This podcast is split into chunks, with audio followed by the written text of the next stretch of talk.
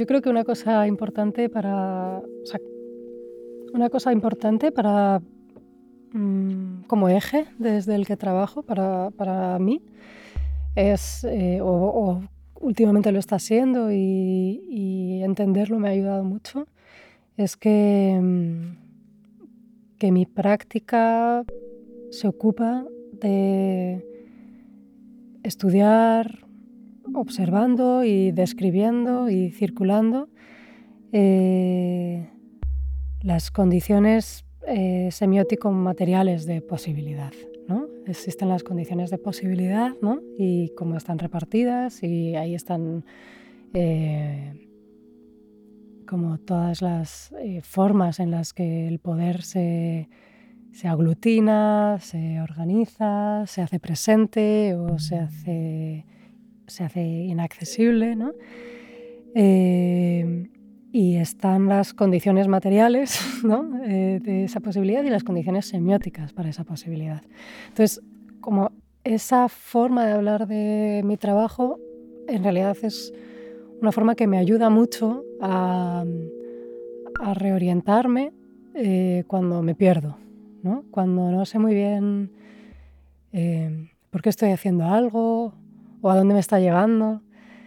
Como que este es el eje que, he elegido a más, a, más largo plazo em, para poder mantener como todos los frentes que tengo abiertos sin que dejen de tener eh, pues un conector transversal, las condiciones semiótico-materiales de posibilidad. Su estudio, su descripción, su puesta en circulación de evidencias, su señalamiento, ¿no? su, su reclama.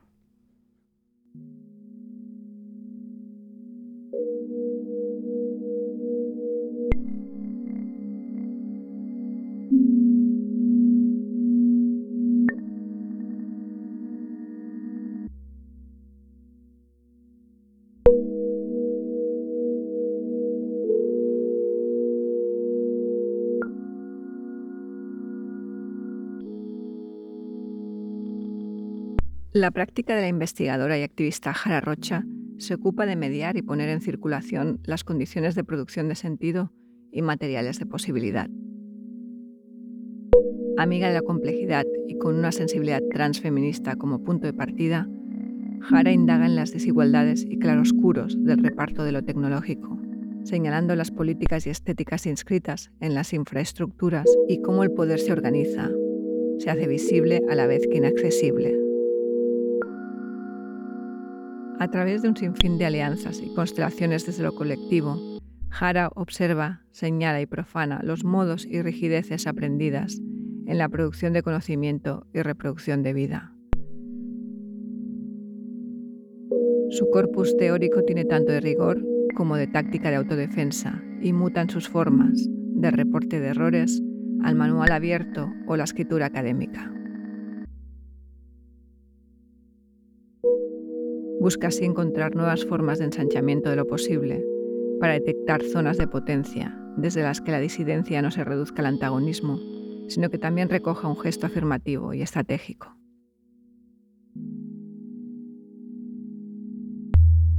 En este podcast empezamos con uno de los capítulos más íntimos de la trayectoria vital de Jara Rocha, su experiencia en la cocrianza desde un espacio no nuclear. En esta vivencia suya tan reciente se manifiestan miles de aristas y recovecos para seguir señalando y desmontando la arquitectura de una construcción social que damos tan por sentada. Desde las implicaciones del deseo de gestar hasta las trampas de la ficción política de la institución familia y la necesidad básica de activar un nuevo vocabulario que quiebre la reduccionista semántica heteropatriarcal.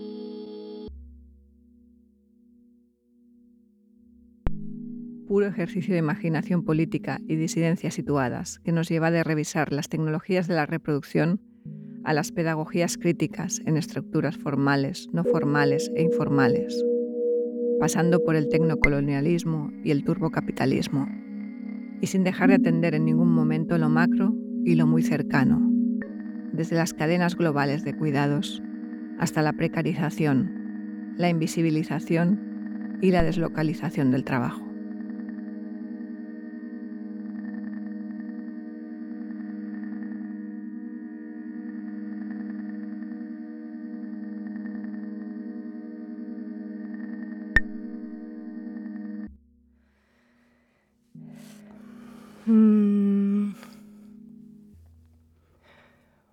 O sea, la experiencia más íntima eh, tiene que ver con un rechazo fuerte eh, ante el esencialismo o la imposición esencialista de, roles. Em, eh, como que creo que hay una especie de mm, colapso como de dos fuerzas. Eh, una es eh, pues el aprendizaje como más primero a través de, creo, em, el valor en el que pone mi madre a la gestación, al parto, a la lactancia y a la crianza, eh, de una manera, digamos, como personal, desde su práctica como madre, y también profesional porque es matrona. Entonces, eh, mi madre es eh, una persona, eso, como que, que valora mucho los cuerpos, la, la, potencia de los cuerpos con vagina para gestar y parir y lactar. Y eso, pues, colapsa con mi forma de estar en el mundo eh, como persona no binaria, em, eh, que bueno, durante muchos años se ha encontrado con distintas asunciones, ¿no? pues, asunciones y proyecciones desde pues, la matriz social, ¿no? como que vienen en todas, en todas direcciones. Y de hecho hace Hace unos años yo necesité atravesar como un proceso, ya os digo que esto es súper íntimo, pero necesité atravesar un proceso eh, durante el cual me vinculé muy intensamente con el plan de hacerme una ligadura de trompas, ¿no? Como, como de, cancelar esa potencia eh, para romper la cadena de, como de de asunción esencialista que entendía que eh, según qué cuerpos como tenían según qué potencia y esa potencia necesitaba eh, ser como activada como para, para, para desplegarse. ¿no? Y eh, bueno, mm, a través de este, de este proceso como que lo que sucedió es que la ligadura de trompas fue mental, eh, se quedó en el plano de, de, sí, como de,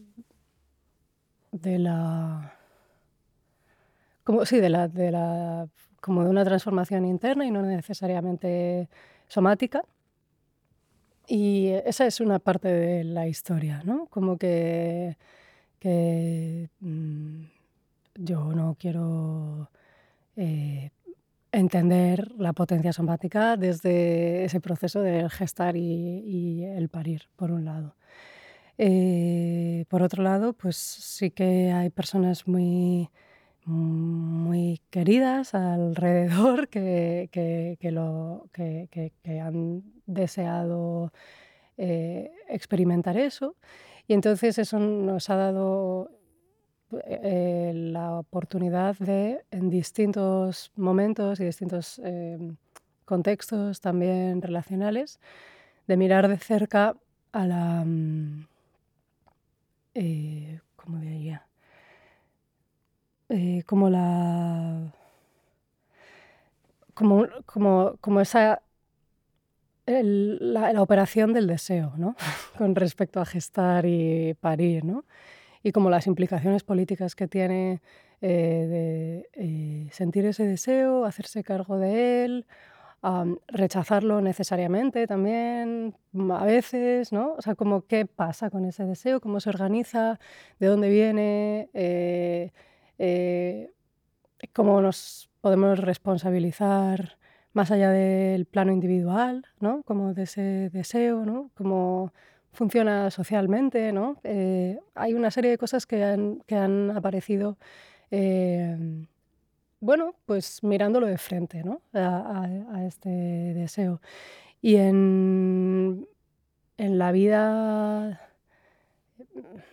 digamos, queer, eh, pues esa problematización del, deseo como espontáneo ante la reproducción eh, como creo que se, acentúan estas, estas conversaciones y la posibilidad de, tenerlas.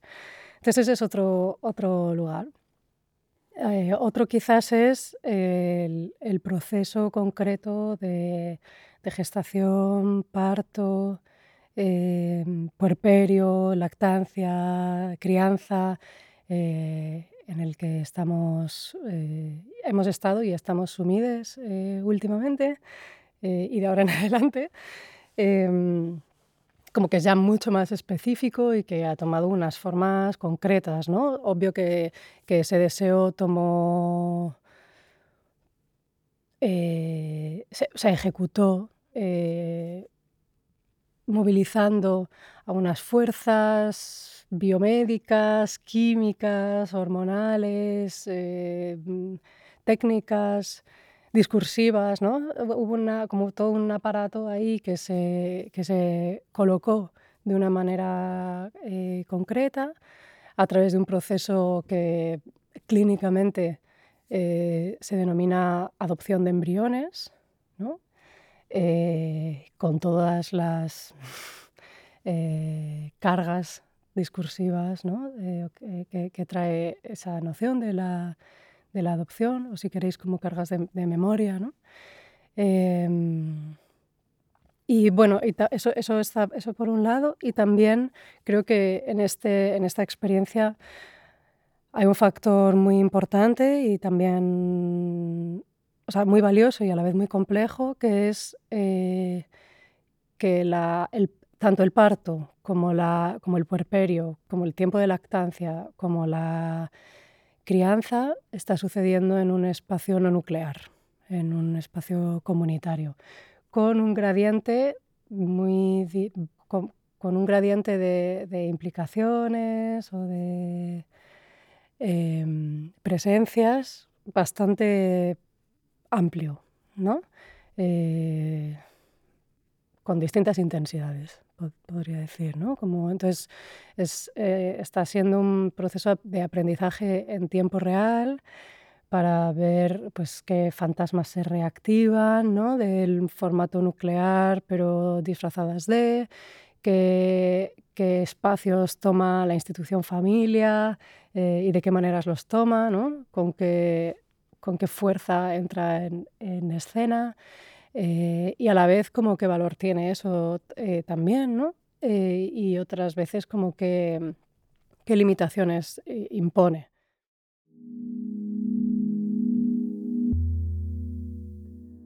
El vocabulario está siendo como todo un jardín, ¿no? Un jardín muy, muy florido y muy caduco, ¿no? Como que hay, hay, algunos términos que sirven durante un rato, de repente hacen aguas y dejan de servir porque no son suficientes para nombrar la complejidad, ¿no? O porque, o porque las condiciones cambian y, y entonces eh, también necesitamos adaptar el vocabulario.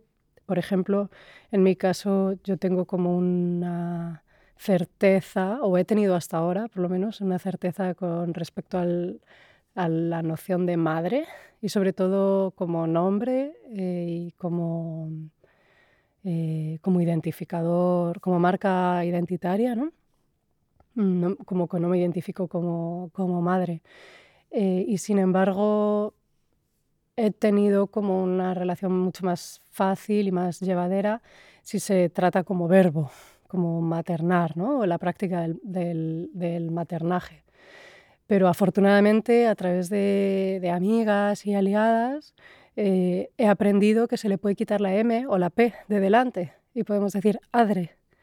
Y adre eh, de repente es otra vez es una figura, se usa como nombre, pero tiene un borrado de, género que, me parece muy, muy sugerente y, muy emocionante también. Eh, luego está el, aspecto desde este juego de vocabularios de si, es un lugar de enunciación o si es... Em, si es un apelativo, ¿no? Porque, porque no es lo mismo que yo no me identifique como madre a que una criatura decide llamarme de una manera o de otra, ¿no? Entonces ahí también intervienen como aspectos de, autonomía o de libertad de, esa criatura que empieza a nombrar el mundo, ¿no? Como que pruebe a nombrar de, formas eh, que se le ocurran, ¿no? O como que le que le atraviesan o que le permean del contexto en el que está y que, la, y que las prueba.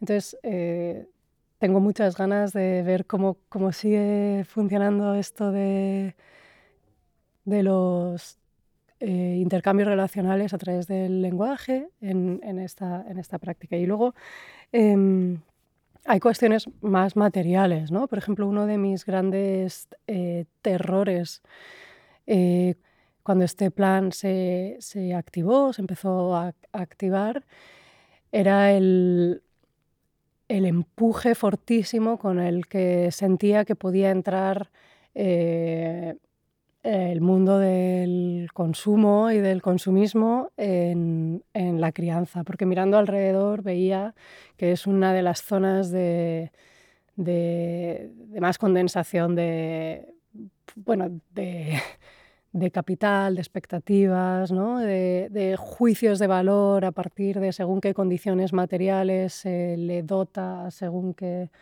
em, vidas, ¿no? Y eso, bueno, mm, personal y afortunadamente también colectivamente nos produce muchísimo rechazo y entonces hay una parte de este aprendizaje que os decía que también tiene mucho que ver con em, adentrarnos en una, en una red muy tupida, subterránea, de intercambio de, objetos y de, y de, chismes varios que igual son de un uso como muy efímero, eh, desde ropa hasta, hasta también eh, trucos ¿no? Eh, que, que, no pasan por, por el intercambio monetario eh, y, tampoco ni siquiera por el trueque, ¿no? sino como que es un circuito por el que pasan así como las cosas y los saberes.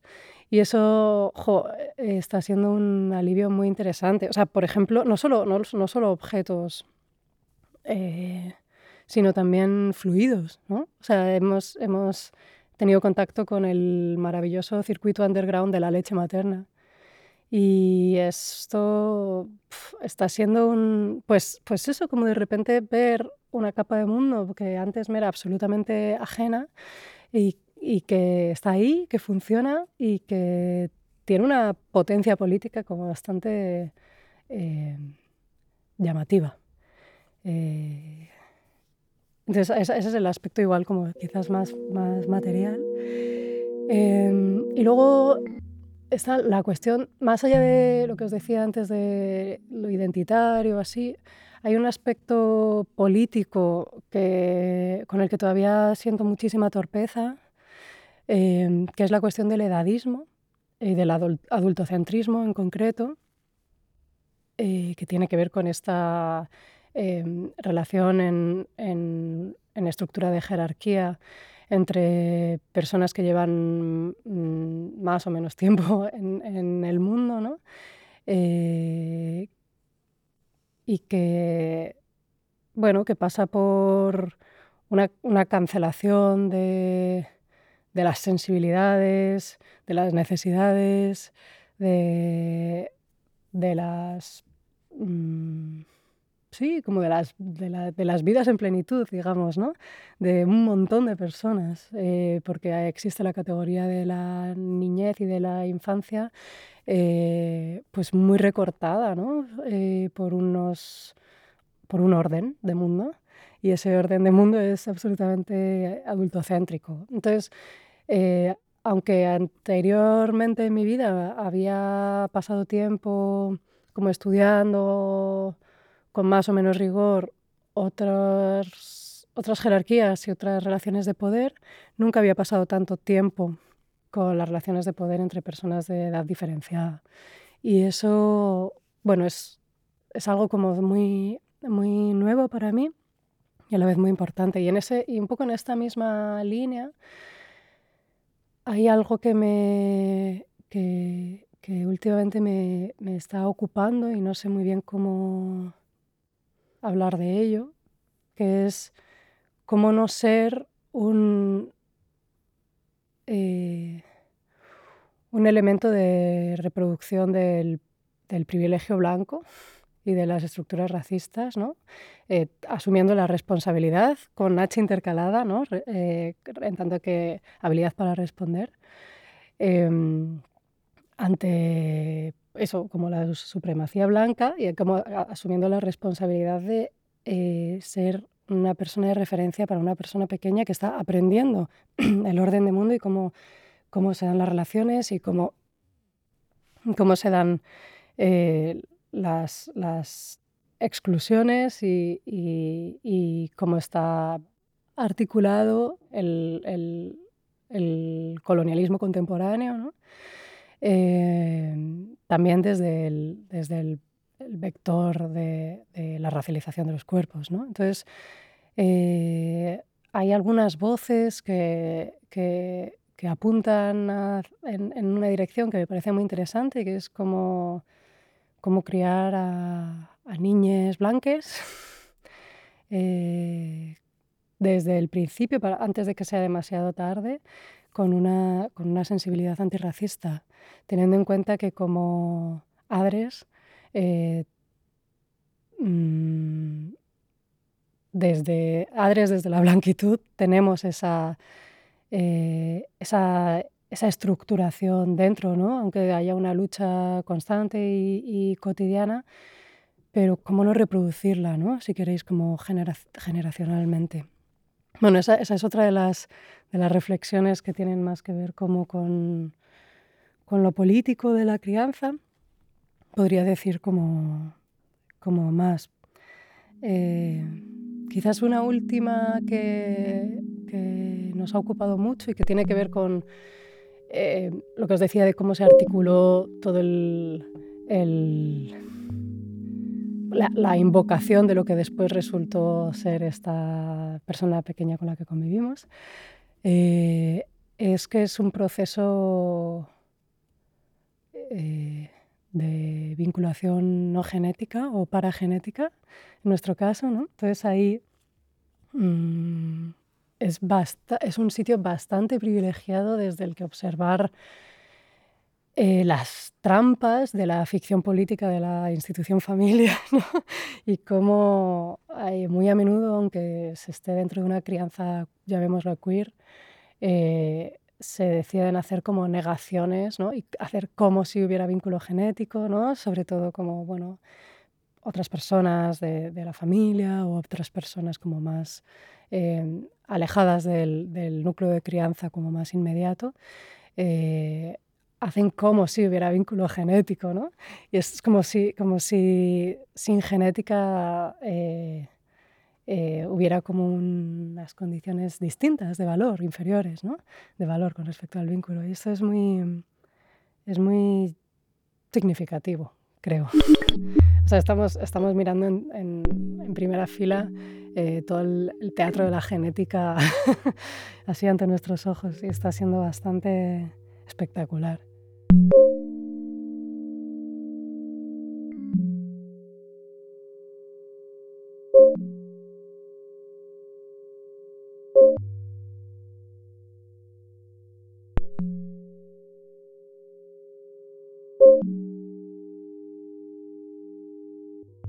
que nos, nosotras, nosotros decimos que el, el padre es la clínica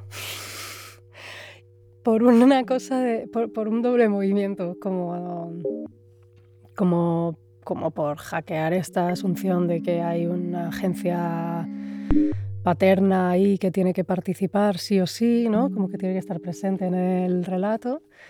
Eh, y también por no por no continuar la invisibilización de los mm, sofisticadísimos mecanismos técnicos de la reproducción, em, de las tecnologías de la reproducción, ¿no? Como que hay un...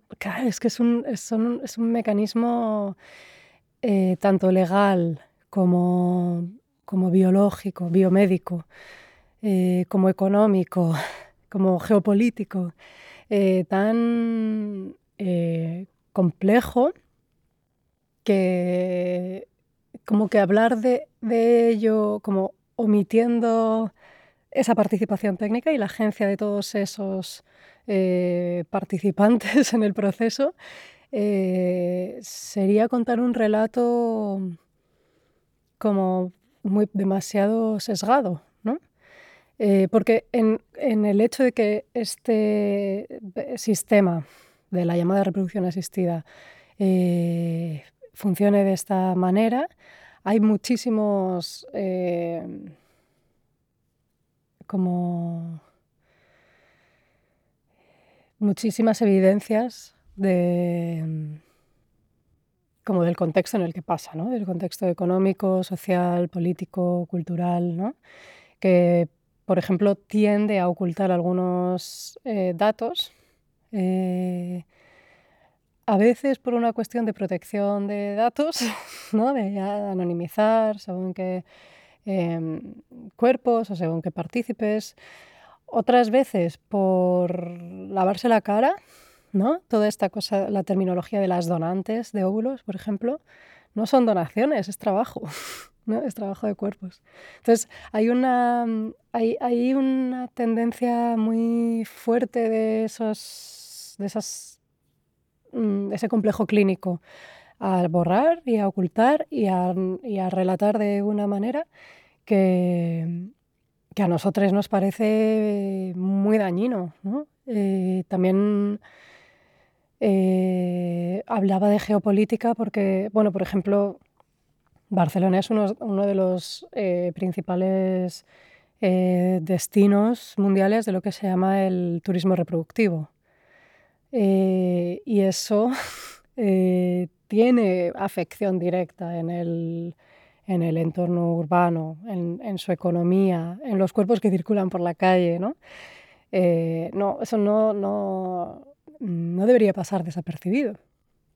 Mm, y entonces son operaciones, son operaciones también legales, institucionales, ¿no? Son, son como combos entre, entre consorcios eh, eh, empresariales y, y, convenios institucionales que facilitan que unas cosas pasen aquí y no en, otros lugares y que pasen eh, de una manera, ¿no? que, que, interpelen a, a según qué personas bueno, ahí hay un, un, merde. y, em, y cuando hablaba del deseo, claro, primero creo que hay una cosa fuerte del deseo este individualista occidental, porque yo, porque yo puedo, lo hago porque puedo, ¿no? Porque puedo, porque tengo acceso, porque tengo los recursos, porque me lo puedo permitir, básicamente, que, que igual no, no, querría ocultar ¿no? esta, esta cosa es, eh, de, de tener acceso por la puerta de adelante, digamos, al complejo clínico de la reproducción asistida es, eh, es una marca de poder. Sí, eso yo creo que, que, sucede sobre todo, sobre todo en el mundo hetero, el tabú, ¿no? El tabú de la, de la no transferencia genética. Eh, bueno, porque el mundo entero carga con esta. Eh, sí, con, con, este relato de, la transferencia. Y ahí, de hecho, bueno, el, trabajo de Sara Lafuente Funes eh, con respecto a las tecnologías de la reproducción con una perspectiva feminista y de análisis de discurso es, es muy interesante porque, mm, porque, porque ha evidenciado cómo, de hecho, muchas veces tiene más que ver con con, la, mm, con el cuidado de la masculinidad, en la mayoría de las veces. Como dices, los, los, cuerpos socialmente leídos como, como mujeres o, los cuerpos como, con vagina tienen otros procesos químicos, eh, físicos distintos, pero, lo, pero probablemente em, eh, lo que dice Sara La Fuente es que este silenciamiento y este tabú y esta eh, ocultación para cuidar la masculinidad ¿no? y que se, mantenga intacta la, transferencia del estirpe, eh, bueno, claro, es, es, una, como una forma más del patriarcado, ¿no? Em, en este caso, con, con, en otro más de sus aspectos asépticos y, y clínicos y así. Sí, entonces es, las dos, ¿no? También puedes, puedes desear ejecutar un deseo en secreto. ¿no? O sea, como que el deseo sea de repente la crianza, cuando las criaturas ya existen, ¿no? Pero cómo se ha llegado hasta ahí, eh, hay como una facilitación de esa ocultación. ¿Sabes? Como que no es, no es, no es incompatible.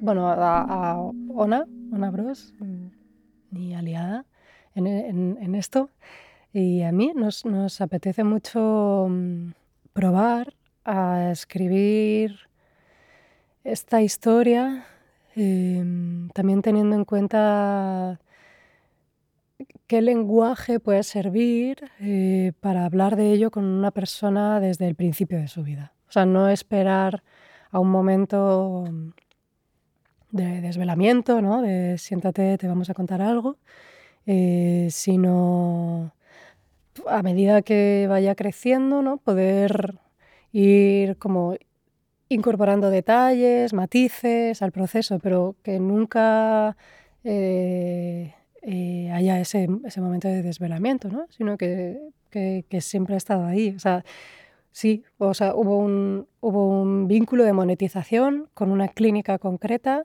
eh, que proveía de un embrión que estaba ahí congelado porque alguien lo había hecho para otro fin, para sus propios fines eh, familiares. En ese embrión en concreto, además, habían participado eh, una donante de óvulos y probablemente contratada con sus servicios somáticos por una, por una pareja heterosexual. Digo probablemente porque esto ya es una cuestión estadística, porque el caso en concreto es anónimo.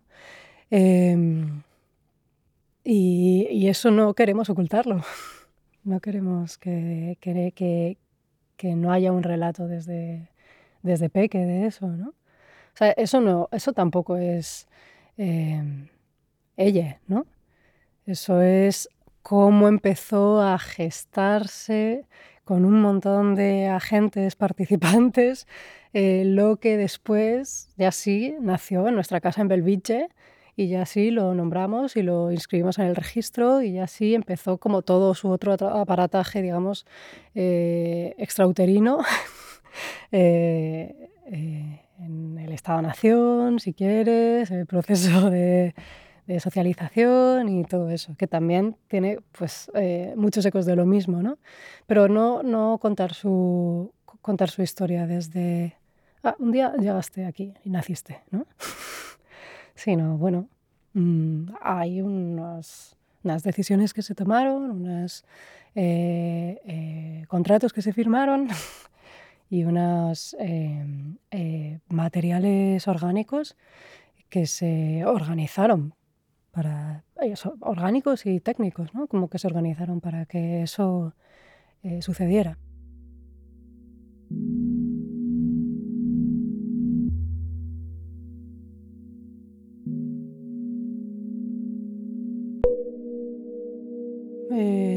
Es esas, son esas fuerzas que empujan ¿no? y que vienen de muy profundo.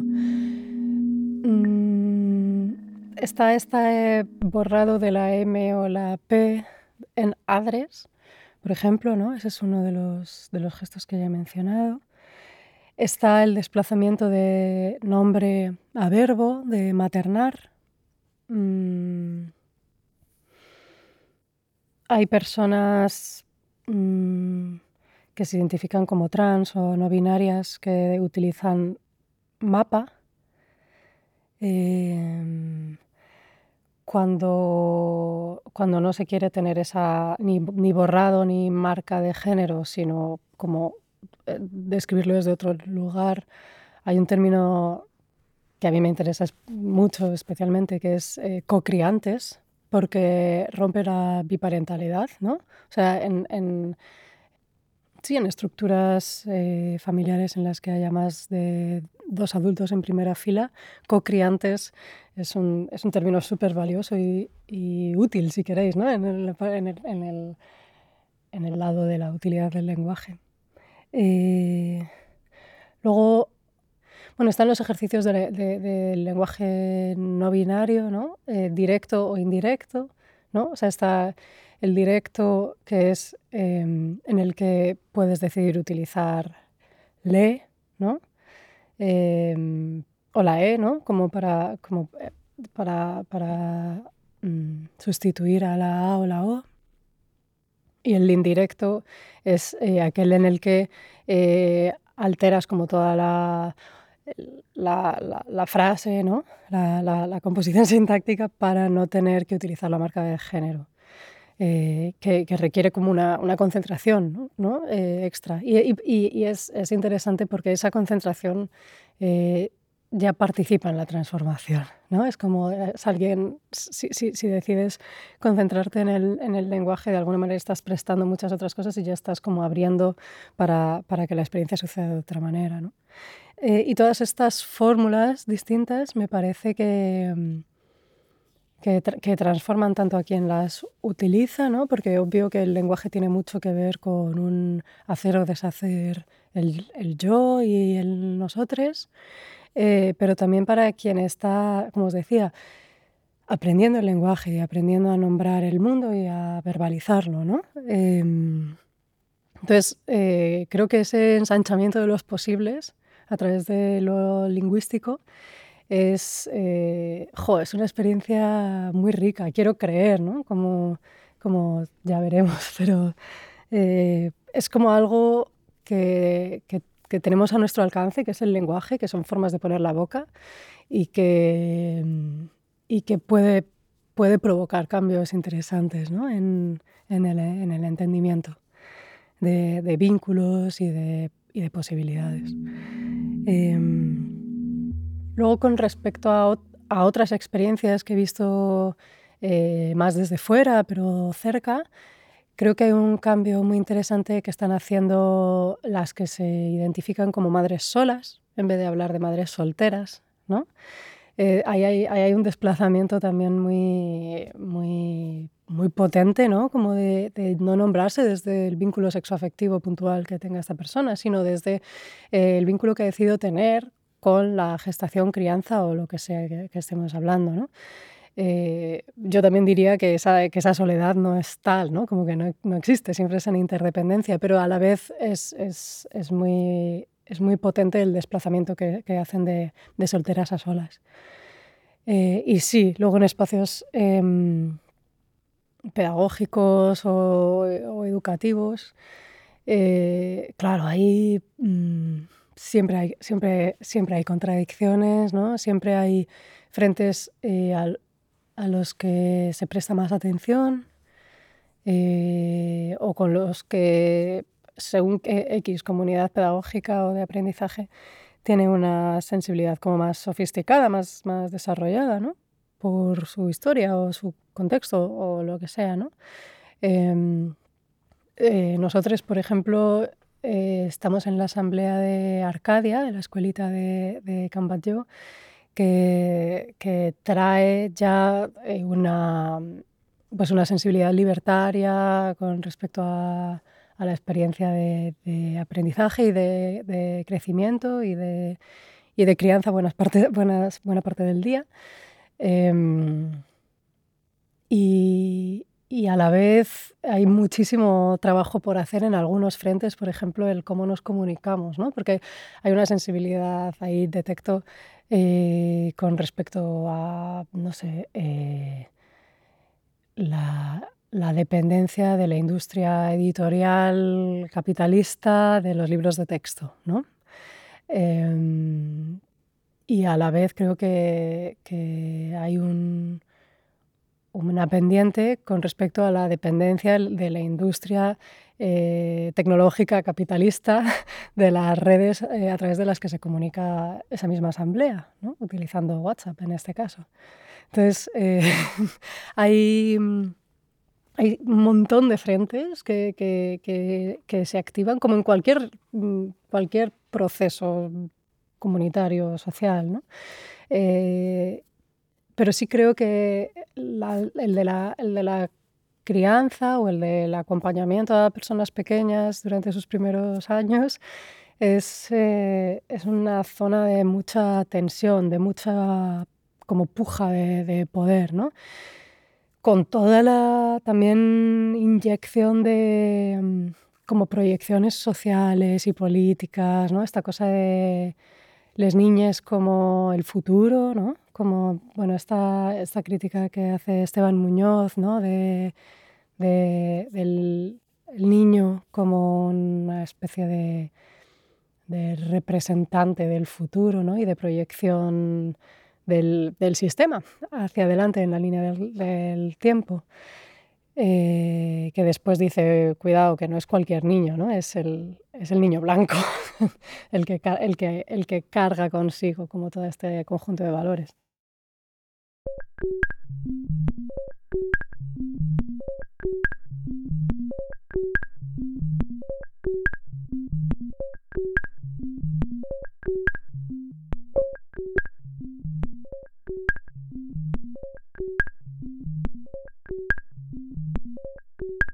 Por eso os decía lo de, la, lo de la coyuntura, como que hay algo de, de haber como de haberme criado, ¿no? de, haberme constituido con unas redes que de repente tienen el inglés, no sé si como lengua franca o como imposición, o la lengua franca de hecho es una, es, ¿no? como tiene una historia de, de, imposición, porque en realidad es una red en la que utilizamos el inglés, pero eh, no es una lengua, no es nativa para casi nadie. ¿no? Eh, con todas las eh, diferencias súper notables em, entre ah, unas hablantes de según qué procedencias y otras, ¿no? Como eso se nota en, el acento, en la densidad de vocabulario y así. Eh, pero, pero sí, creo que tiene que ver con, con eso, con, con, algo que últimamente estoy pensando mucho y es eh, bueno, también porque se, porque, pues que se está derrumbando, ¿no? O si no se ha derrumbado ya, ¿no? Que es eh, como que me siento parte de una. de, un grupo, casi, no, no, una generación, ¿no? Pero como un grupo generacional que ha habitado la ficción de la Unión Europea, por ejemplo, eh, a base de Erasmus, ¿no? a base de desplazamientos como muy ágiles, ¿no? como dice eh, mi, mi, colega y amiga eh, Kim Ward, teníamos privilegios demasiado baratos ¿no? con el low cost. Y entonces, haber, haber crecido profesional y políticamente ahí eh, ha, supuesto como un habitar el inglés ¿no? de, esta manera, ¿no? como que, em, que es una manera pues, muy cargada de, fricciones, porque por un lado tiene que ver con, con un uso casi utilitarista ¿no? como de la lengua, pero eso está, eso está cargado de de relaciones muy nocivas ¿no? y muy tóxicas de poder y de imposición. Es una lengua muesli, ¿no? como eso que te sirven en todos los hoteles, en cualquier parte del mundo, eh, allá, allá donde vayas, siempre como desayuno. ¿no? Pues eh, sí, este, este, es un término que, que, se ha utilizado mucho en el seminario Uraca, ¿no? que es donde he aprendido como a, también a hablar de, como de los matices en, las formas en las que las lenguas y los lenguajes como, em, se ponen en circulación ¿no? y toman los cuerpos. Em, y lenguas en, todos los sentidos, ¿no? en el sentido somático y en el sentido relacional también, eh, cultural. Entonces, el uso del inglés mm, lo, estoy, lo, estoy, problematizando quizás más ahora, por, por, primera vez, ¿no? como que hasta ahora he sentido más, me sentía con una posición más de, como de inferioridad y como de asumir algo que esté impuesto y como ya sin, sin problematizarlo demasiado hacia afuera, ¿no? más como solo por dentro. Eh, pero ahora eh, necesito que estas conversaciones sucedan también a escala local, ¿no? Porque al final la, práctica profesional que llevo a cabo tiene mucho que ver con interlocución constante, ¿no? por eso hablo de conversaciones, ya sea en el medio textual o en el medio eh, visual o lo que sea, ¿no? pero son como, como puestas en común. necesito que sucedan a, a, a, escala local, ¿no? como que esas relaciones pasen por ahí. Y, mm,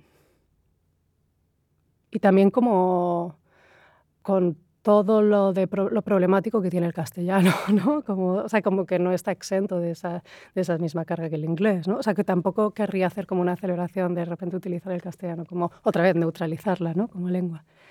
Bueno, no sé si tiene sentido esto, pero... La, la bibliografía ya es como un artefacto más eh, elaborado, ¿no? De cómo circula la escritura, ¿no? Como que es una forma muy concreta de ah, ordenar el, lenguaje y no, y no, la única. Pero eh, sí, con, con, Lucía Egaña hablamos como a través de su, de su trabajo bastante, porque también me, me, interpela, por supuesto, sobre disidencia bibliográfica o incluso podríamos decir autodefensa bibliográfica, ¿no? Em, como una forma de cuidar, eh, eh, que, como cuidar la puesta en orden distinto o en, o en desorden, ¿no? de según qué corpus, de que, según qué corpus de producción de, con, de conocimiento, según qué corpus bibliográfico. ¿no? Eh, y también hay otra táctica que es la de la escritura difícil, que otra vez es de, do, de doble filo, ¿no? porque hacer una apuesta por la escritura o el habla difícil, ¿no? como esa que no eh, pasa desapercibida como, o, sucede neutralmente, ¿no? como eh, inocentemente, eh, sino que pone a la vista el comportamiento buenista a veces, ¿no? según qué, según qué expresiones o según qué composiciones sintácticas ¿no? o, léxicas, ¿no? Em, que imponen una manera de hablar y de escribir. Por ejemplo, la de explicar todo, ¿no? Esta cosa de que haya que, explicar las cosas como eh, quitándoles capas de, complejidad. Em, por un lado, eh, tiene, trae consigo el valor de la accesibilidad, ¿no? Y por otro lado, em, eh, supone eso como una, pérdida de complejidad. Y, según que eh, en qué momento podemos necesitar abrazar la complejidad muy fuerte para poder, em, eh, para, para, poder entrar en, en, los matices donde se anidan preguntas importantes ¿no? acerca de, otra vez, relaciones de poder, exclusiones y en general formas de hacer mundo, ¿no? como de ordenar material y semióticamente el mundo. Y yo creo que ahí es como donde, donde me interesa más eh, la conversación sobre el lenguaje con todos sus dispositivos, los, bibliográficos, ¿no? Eh, pero también como los, los, los orales, ¿no? que es eh, cómo, cómo se ponen o quién participa en la puesta en orden ¿no? de las condiciones de posibilidad, ¿no? Pero esas condiciones de posibilidad son condiciones materiales y son también condiciones semióticas, ¿no? Y además es muy difícil separar lo material de lo semiótico, ¿no? Siempre hay, una, hay, un, hay un reparto ¿no? de, de, lo sensible y hay un reparto de lo material y ahí hay gestos que importan. Entonces, eh, bueno, la escritura fácil también puede traer consigo un universalismo feroz, ¿no? aplastante, homogeneizante. Eh, y un buenismo también, ¿no? que he dicho antes. Eh, y, la, escritura difícil, pues inmediatamente activa como resortes de elitismo, esnovismo. Eh, entonces, por eso digo que es de, es de doble filo. Cómo se habita esa complejidad o la escritura difícil o la práctica difícil desde la desde la generosidad y también desde el, desde el compromiso de estar ahí pasando tiempo. ¿no? Es como, no, es como que haces algo difícil y como entonces te, te, desvinculas ¿no? o te desresponsabilizas, sino como, como, y esto es una pregunta en marcha, ¿eh? ¿No? o sea, es como una pregunta que solo abre más preguntas, no, no, no creo que tenga respuesta, sino cómo quedarnos con esas, estas prácticas culturales desde lo difícil por compromiso con la complejidad.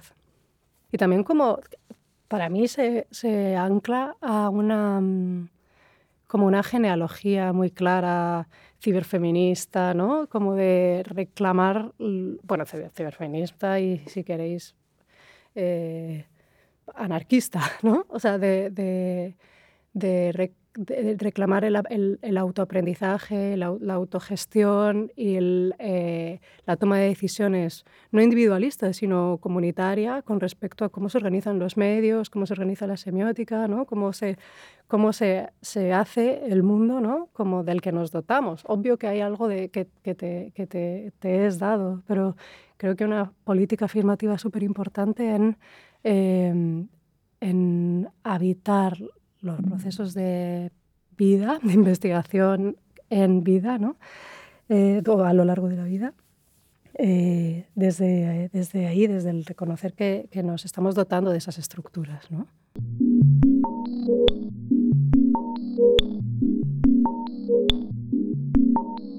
O sea que todos los espacios son mixtos, en el sentido de que, siempre, o sea, que cuando, cuando necesitamos elaborar un corte para proveernos de cierta seguridad, eh, es un corte específico. Eh, ¿no? es, un, es, es, un, corte que tiene que ver con, eh, yo qué sé, el, si eres socialmente leída como mujer, o si te has sido, o, o si te, eres persona migrada, o si eres racializada o lo que sea, un corte. Y lo que pasa es que dentro de, ahí eh, sigue, sigue, sigue sucediendo la diferencia. ¿no? Entonces, por eso digo que es, una, es la conversación de la, de la interseccionalidad, como que necesitamos eh, a menudo cuidar de esos, esos espacios ¿no? donde, el, donde el, em, la sección que se cuida es una, ¿no? Como, lo que, la, la, como la sección que que, estamos, eh, que nos afecta más por X eh, motivos es la que mm, va a ser predominante a la hora de organizarnos eh, socialmente o comunitariamente en este, en este grupo. ¿no? Entonces, mm, no sé, es de todo personas queer, ¿no? Pero claro, ahí dentro van a cruzarse otras, otras secciones, ¿no? Entonces, por eso digo que, que ninguno es, o sea, como que, que, que hay, que, hay, un montón de mixtos. Entonces son como, son como cortes que son siempre parciales, ¿no? Eh, y siempre como motivados como probablemente por unas eh, condiciones externas de, de, exclusión. Y en eso sí que estoy súper en línea con esa, con esa reflexión, ¿no? Como que las exclusiones están pasando como todo el tiempo, sin duda. Eh, supongo que mm, necesitan ser actualizados constantemente, ¿no? Eh, de forma que, eh, eh, por ejemplo, bueno, pues ahora con la ola TERF, ¿no? o sea, como que cuando dices sujeto, sujeto del mujer, ¿no? El sujeto del feminismo, de repente eh, no sea el corte hecho eh, a partir de un biologicismo eh, rígido, ¿no?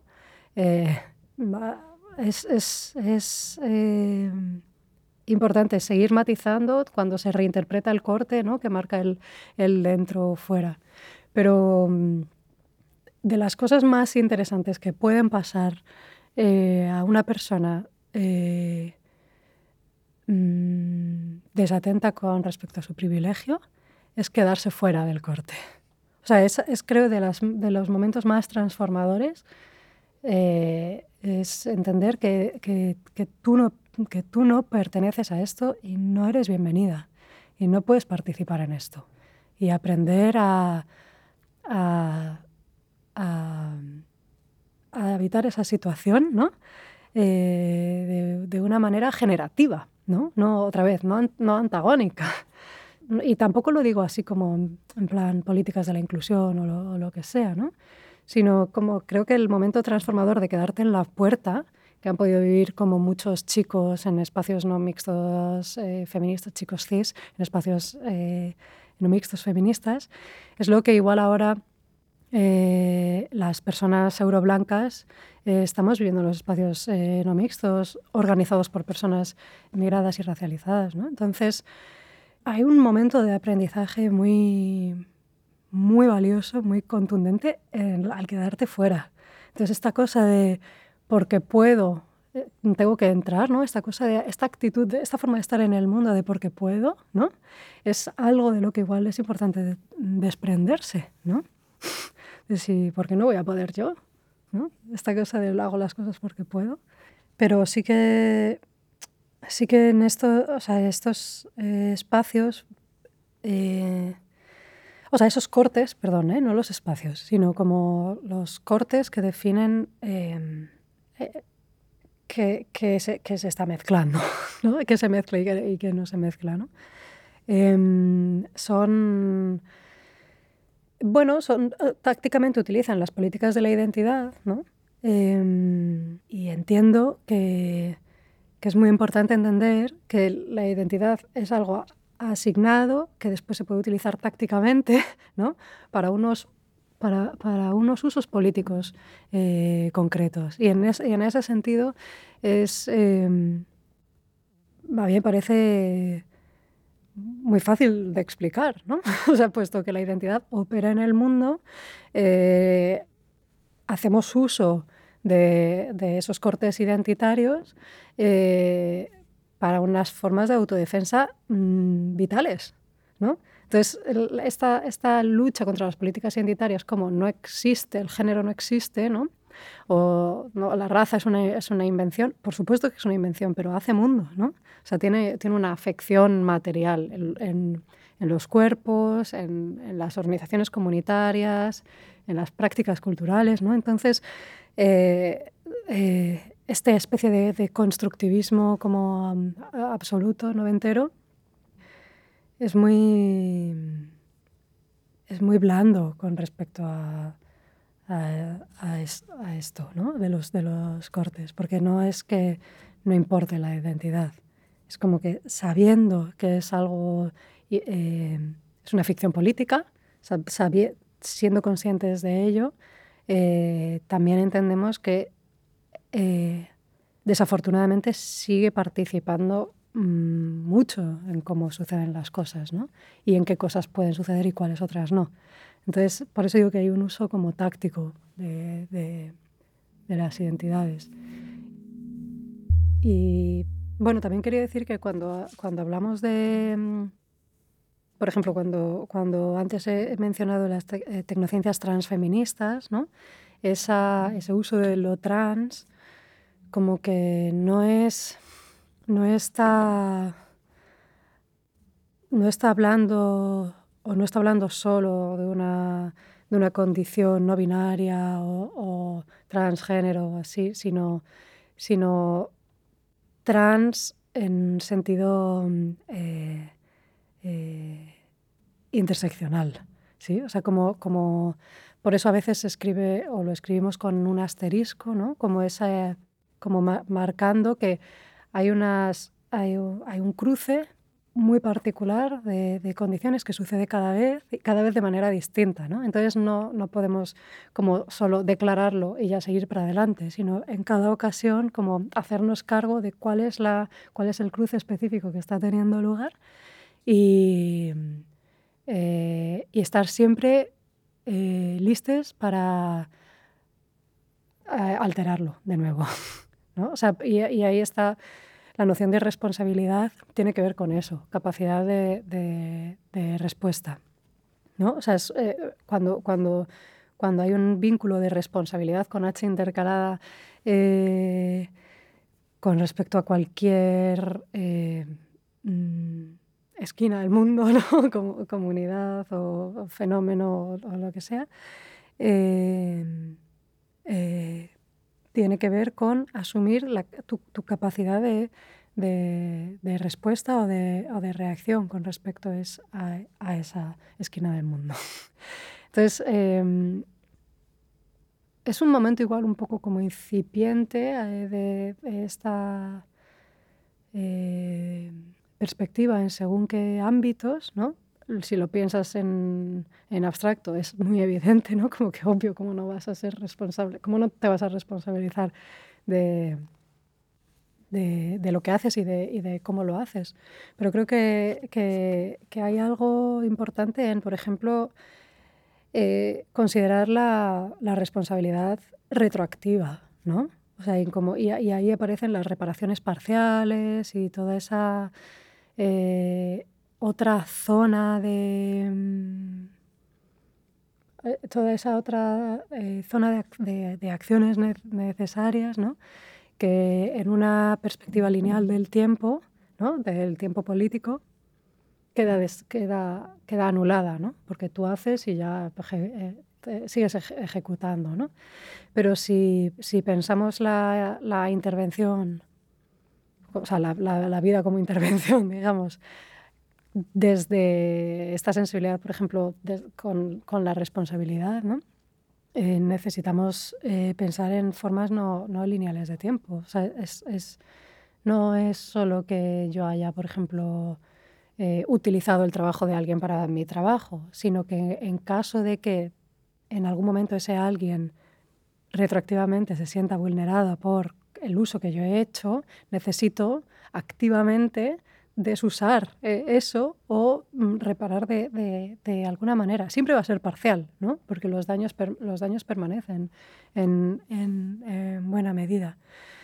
Eh, pero hay algo de, de, de estas eh, imposiciones como de, dimensiones, en este caso la dimensión del tiempo, que también otra vez está como súper naturalizada, ¿no? Y, parece, y parece neutral, pero que marca las formas de hacer política, ¿no? Siempre como un orden de acontecimientos, causa-consecuencia, ¿no? Em, hacia adelante.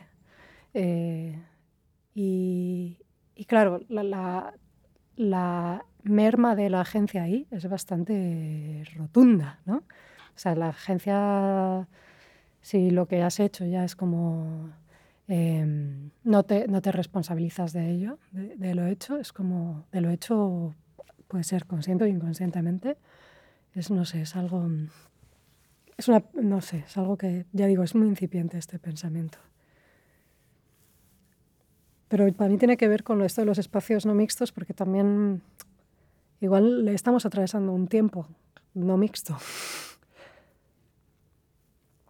Y es importante con esto de, la de las políticas de la identidad y todo eso. Bueno, cómo convivir con, con una certeza acerca de, una construcción que a la vez hace mundo, ¿no? Es como, bueno,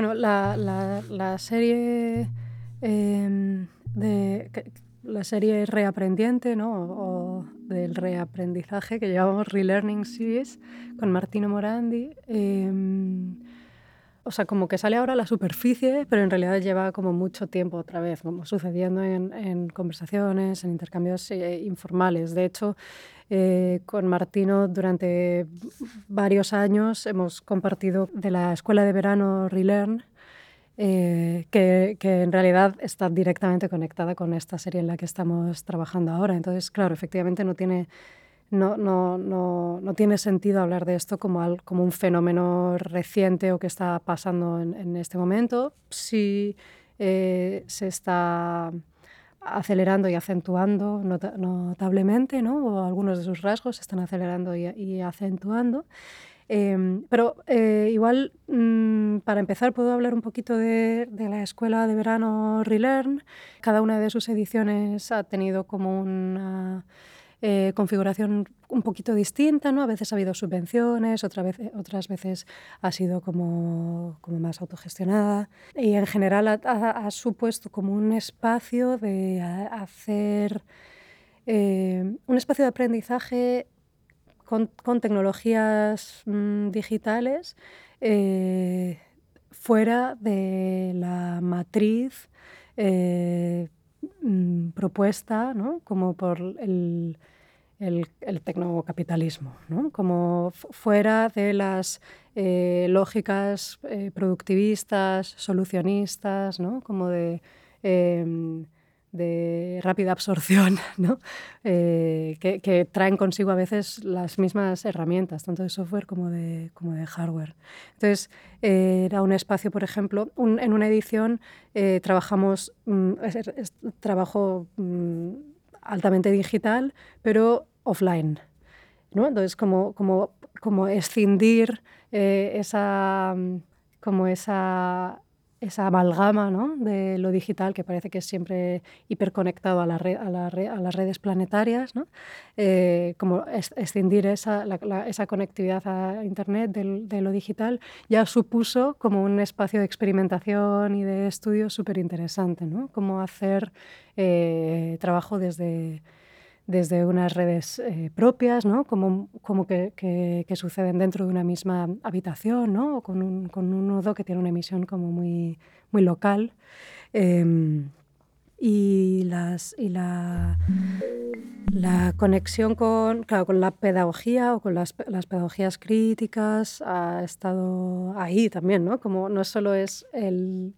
Em, como la, problematización de la deriva de las tecnologías digitales, ¿no?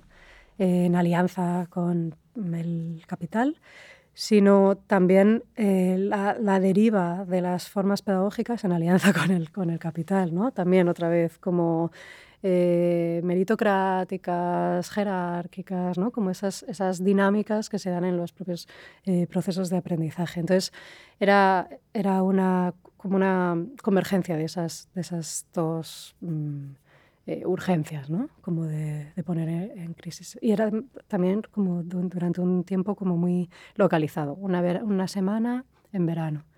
Em, con los problemas que eso conlleva, ¿no? Como que también genera exclusiones.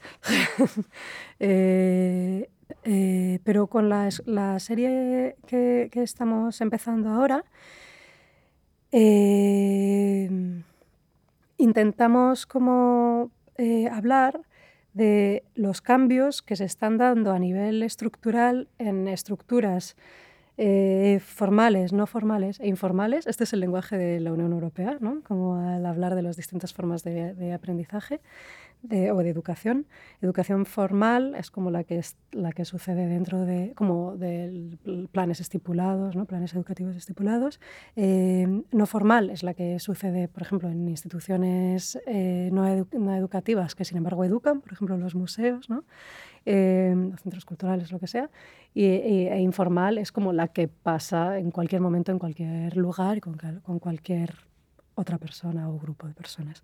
Entonces, eh, queremos ver cómo eh, eh, todas ellas están, mm, están siendo como radicalmente transformadas por la intervención de unas eh, tecnologías que traen consigo lo que llamamos la innovación totalitaria, ¿no? Como que son unas formas de, son unas formas de, cambio, ¿no? de cambio de, las dinámicas de vida y, por tanto también las de, las de aprendizaje, ¿no? Em, que son totalitarias porque no dejan apenas eh, espacio para eh, alternativas o para experimentos o para recombinaciones, ¿no? reinterpretaciones. ¿no? Son como, eh, y ahí es donde aparece, por ejemplo, esto del Screen New Deal.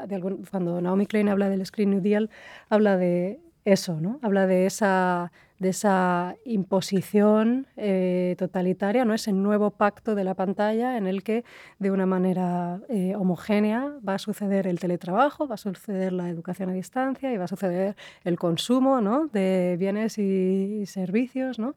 Eh, además, en directo contacto con el nuevo régimen del Internet de las Cosas, ¿no? como que se anuncia, más la conectividad como del 5G eh, o 6G que está por venir, ¿no? Y, entonces, hay, hay algo de, mm, de esa, eh, esa lucha de los 70, ¿no? Que, que, hacía Illich, ¿no? Y, bueno, pero también Freire, o sea, que podemos, podemos hablar de como, como esa tradición de la, de la pedagogía crítica, eh, hasta cierto punto, ¿no? O sea, como que podemos hablar de, o sea, recuperar como algunas de esas sensibilidades teniendo en cuenta que el, el panorama, ¿no? la coyuntura ha sido totalmente transformada por la llegada de estas formas de innovación totalitaria, ¿no? Y, y entonces las tecnologías con las que ellos estaban haciendo la crítica, que tienen que ver con eh, el sistema escolar, ¿no? Como súper rígido, de, disciplinario, eh, ahora mm, tiene un comportamiento muy, muy distinto. Sigue, sigue ahí, sigue sucediendo, ¿no? y de hecho igual está acentuada esa, disciplina, ese, impulso meritocrático, ¿no? esa, eh, esa, acentuación de la diferencia de clases, ¿no? Eh, pero, pero está Em, configurado en torno a unos dispositivos otros, que ya no tienen por qué ser las cuatro paredes de un aula, sino que pueden ser como las cuatro laterales de una pantalla. Y ahí, por eso hablamos de la rectangularización de la vida ¿no? en, todos sus, en todos sus planos.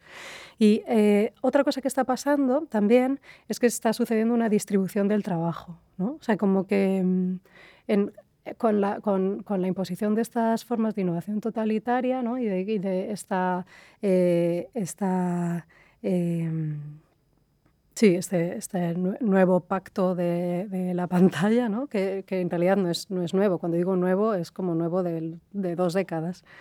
Eh, hay una eh, distribución de, tareas que nos parece, o sea, nos parece importante señalar o sea, como observar eh, cuidadosamente. Por ejemplo, el papel de las personas mm, que antes cuidaban de la técnica, ¿no? que quedaba solo en el lugar de eh, ten listo el proyector, ¿no? o las diapositivas, o la, las, o la habitación caliente, o las mesas limpias, o los baños listos, o lo que sea. ¿no? Ahora de repente eh, ese mismo equipo técnico está tomando decisiones eh, que afectan pedagógicamente el proceso de aprendizaje, o sea, que afectan, que, afectan la pedagogía. Eh, y la afectan porque eh, determinan si una conversación va a ser frontal, si va a ser monodireccional o, bidireccional, si va a suceder alfabéticamente o va a suceder eh, visualmente, si la imagen va a ser fija o, si también puede ser en movimiento, si, ¿no? O sea, si, si, si, no sé, si hay una hay un registro de la participación, si hay una monitorización de los rostros, o sea, hay como una serie de, decisiones que pasan por qué conjunto eh, técnico, sociotécnico, se pone en funcionamiento en un espacio de aprendizaje que hace que se haya mm, se hayan distribuido los roles. Entonces, las personas que antes estaban haciendo trabajo de, si queréis, casi eh, cuidados materiales, ¿no? ahora participan en, la, eh, en las dinámicas de aprendizaje ¿no? directamente. Son son agentes activos en, la pedagogía. Y eso eh, puede tener algo interesante, puede tener algo de potencia eh, y también puede ser algo terriblemente problemático. Lo, lo duro es que estamos viendo en tiempo real cómo pasa absolutamente desapercibido. O sea, cómo esto está sucediendo como business as usual. Y eh, bueno, un poco, un poco de esto es de lo que hablamos en la primera pieza de la serie que, que hemos escrito, que se llama From eh, Deschooling to Reinstruction, de la desescolarización a la reinstrucción. Eh, y el otro eh, artefacto en el que hemos estado trabajando con otro equipo distinto. Se titula eh, un catálogo, ¿cómo es? A catálogo Formats for Digital Discomfort. un catálogo de formatos para la incomodidad eh, digital y otros modos, para resistir, de otros modos de resistir la zomificación totalitaria. Em, este catálogo eh, ha sido elaborado por encargo para, para, la elaboración de un seminario que tiene que ser online por por las condiciones de la pandemia, pero que pretende no ser un, webinario más. ¿no? Entonces, em, no solo se trata de cambiar las herramientas privativas por eh, herramientas de free, libre, open source, sino también de eh, pensar cuidadosamente en eh, factores o vectores eh, como qué temporalidades se necesitan, qué espacialidades, cuáles, cuáles son las formas de gobernanza, cuáles son las condiciones materiales. Eh, hay, hay, una serie de, sí, de, eso, de, de, vectores de, decisión que, que, todos tienen que ver otra vez con las condiciones semiótico-materiales de posibilidad.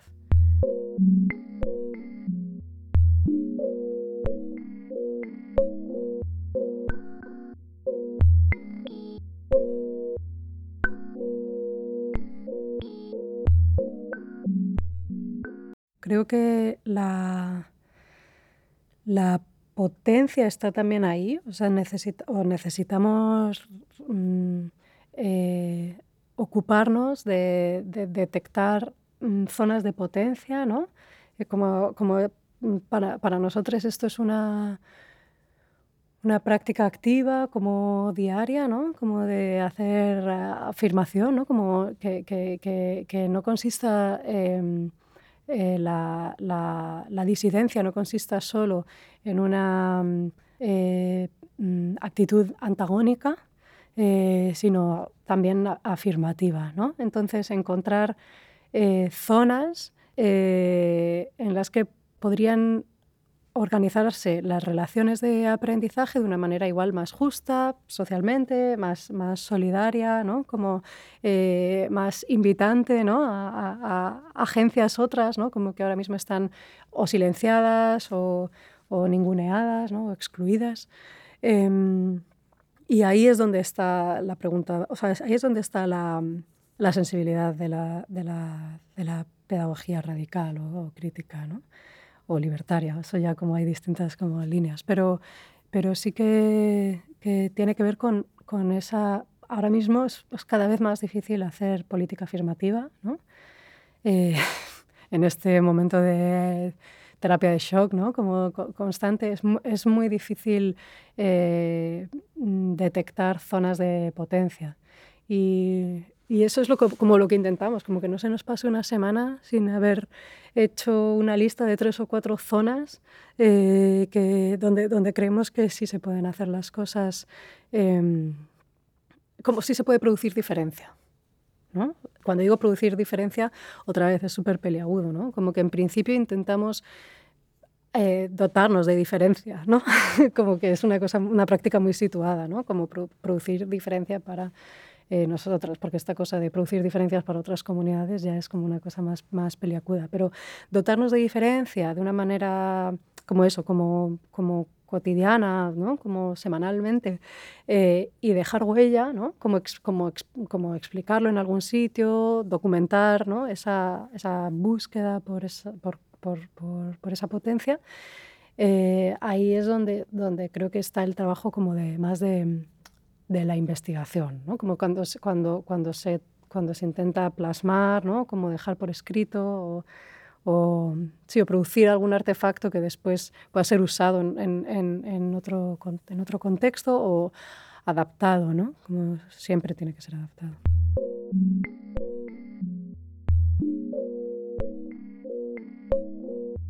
Sí, es, eso es, es, o sea, en, en, el, en, espacios institucionales es muy llamativo cómo, cómo, cómo se ha conseguido que bueno, es, es, es, es, el solucionismo, ¿no?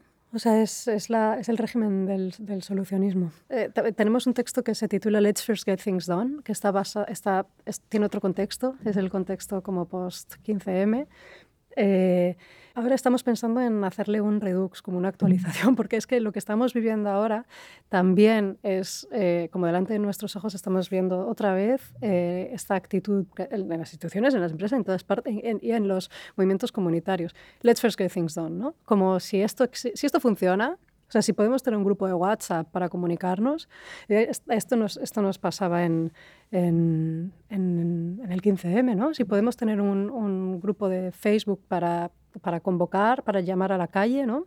Eh, pues usémoslo y después ya nos paramos a pensar que el, el, el problema, y, y, esa es la, la tensión ¿no? política, es que que, que, cuando, cuando anidan esos dispositivos eh, sociotécnicos, ya como empiezan a instalar la normalidad, ¿no?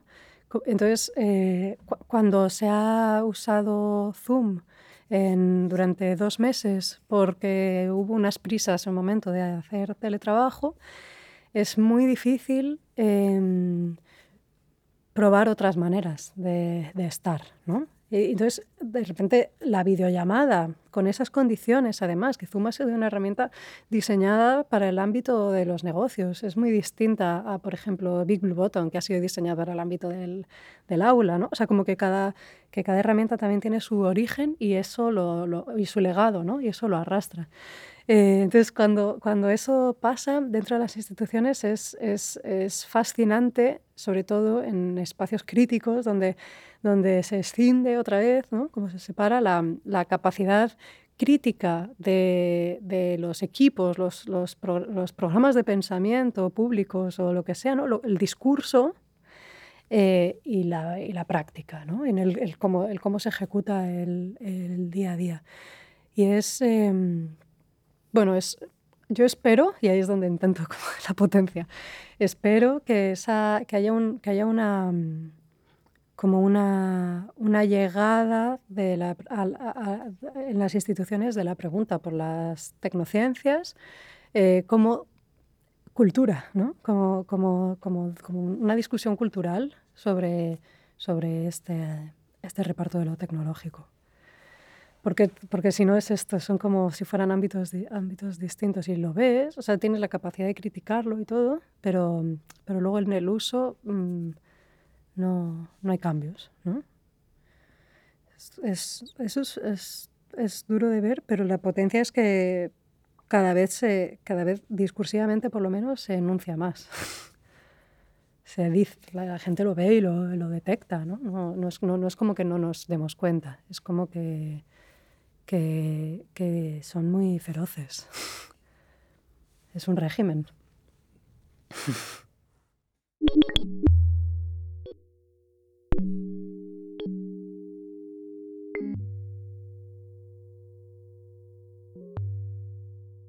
Las interfaces son una zona de estudio del, tele, de, del tecnocolonialismo muy interesantes, no la única, ¿no? pero eh, hay algo de lo que, lo que de la innovación totalitaria que estaba hablando antes que, eh, que tiene que solo se puede explicar desde, desde el régimen tecnocolonial. ¿no? O sea, cuando es, cuando es totalitaria y es, es tan, tan homogénea a una escala planetaria, ¿no? y esta cuestión de la escala es, importante, eh, es porque está apoyada sobre un colonialismo que, que, conocemos antes de la emergencia de lo computacional. ¿no? Ese, ese colonialismo... Eh, tiene distintas manifestaciones. ¿no? Tiene, tiene eh, una manifestación desde las prácticas, ¿no? de, la, de las prácticas eh, en marcha, ¿no? como la, exclusión, la explotación, la extracción. Em, tiene eh, una manifestación en las formas culturales, ¿no? como el universalismo del que, del que hablábamos antes, ¿no? desde el lenguaje hasta las herramientas. Em, tiene una, eh, también como manifestación cultural, eh, como distintas formas de supremacía, ¿no?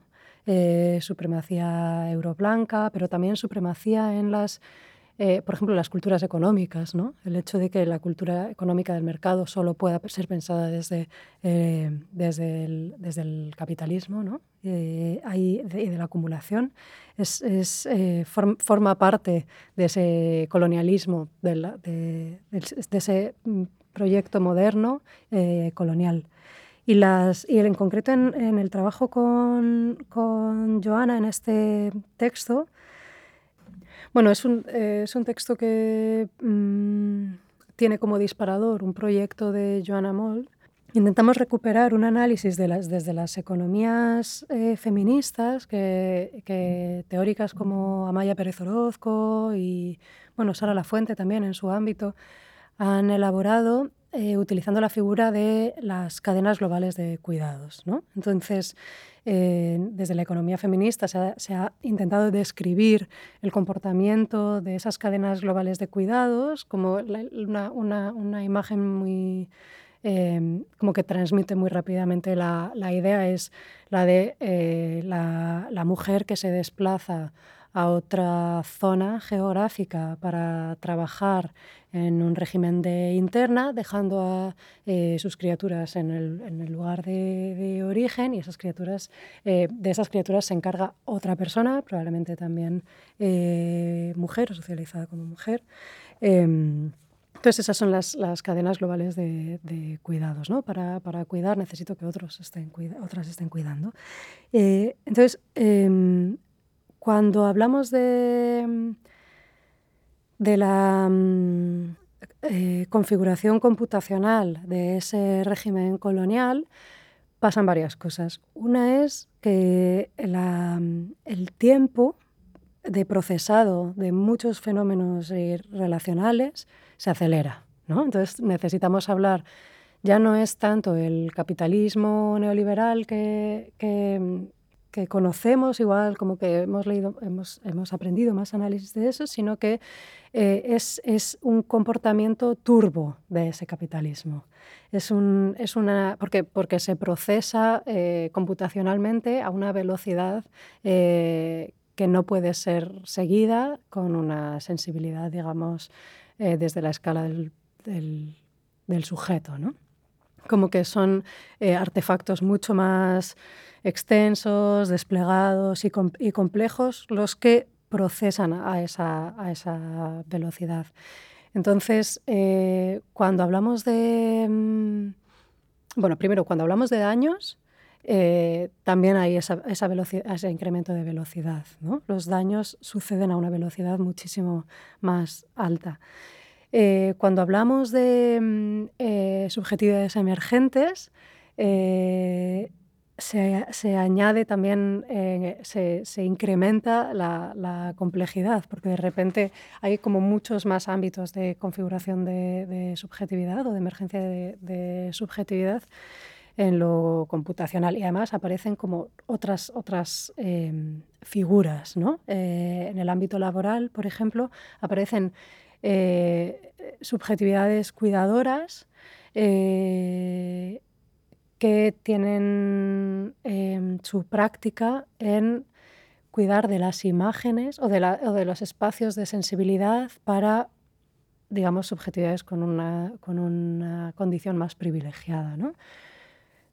Como, poniendo un ejemplo, para que alguien pueda ver eh, unas imágenes en una plataforma tipo Instagram, hay un trabajo invisibilizado de cuidado, casi, el cuidado casi sucede para, para que el nervio ocular, ¿no? o como la, el, el, encuadre o lo que sea de, de esa imagen eh, suceda de una manera eh, de una manera deseada, ¿no? o sea, es para producir el deseo de según qué subjetividad eh, eh, privilegiada, hay otras que están trabajando de manera invisible y, probablemente deslocalizada, seguramente deslocalizada. ¿no? Entonces, lo que intentamos escribir es como, una, como un añadido a ese análisis de las cadenas globales de cuidados, trayendo como este paisaje eh, del, tecnocolonialismo eh, propio del turbocapitalismo, ¿no? o como que van, van uno de la mano del, otro, eh, mm, describiendo esas mismas cadenas, pero con otros agentes implicados, ¿no? como con otras, otras participantes. y ahí aparecen, cuando digo agentes, pues desde, desde eh, minerales eh, requeridos para que esa computación tenga lugar, eh, hasta eso, nervios oculares. ¿no? O sea, que, no, que no, no, querría que cuando diga agentes se entienda como, como mm, sujetos humanos ¿no? individualizados y como claramente definidos. Y sí, esas, interfaces en concreto son como unas zonas de atención que nos son como muy favorables para desplegar este tipo de análisis, ¿no? porque son como, como catalizadores un poco, como son, son, son ya zonas superficiales ¿no? en las que igual si pasas un tiempo eh, puedes detectar algunos comportamientos ¿no? que tienden a, tienden a ocultarse.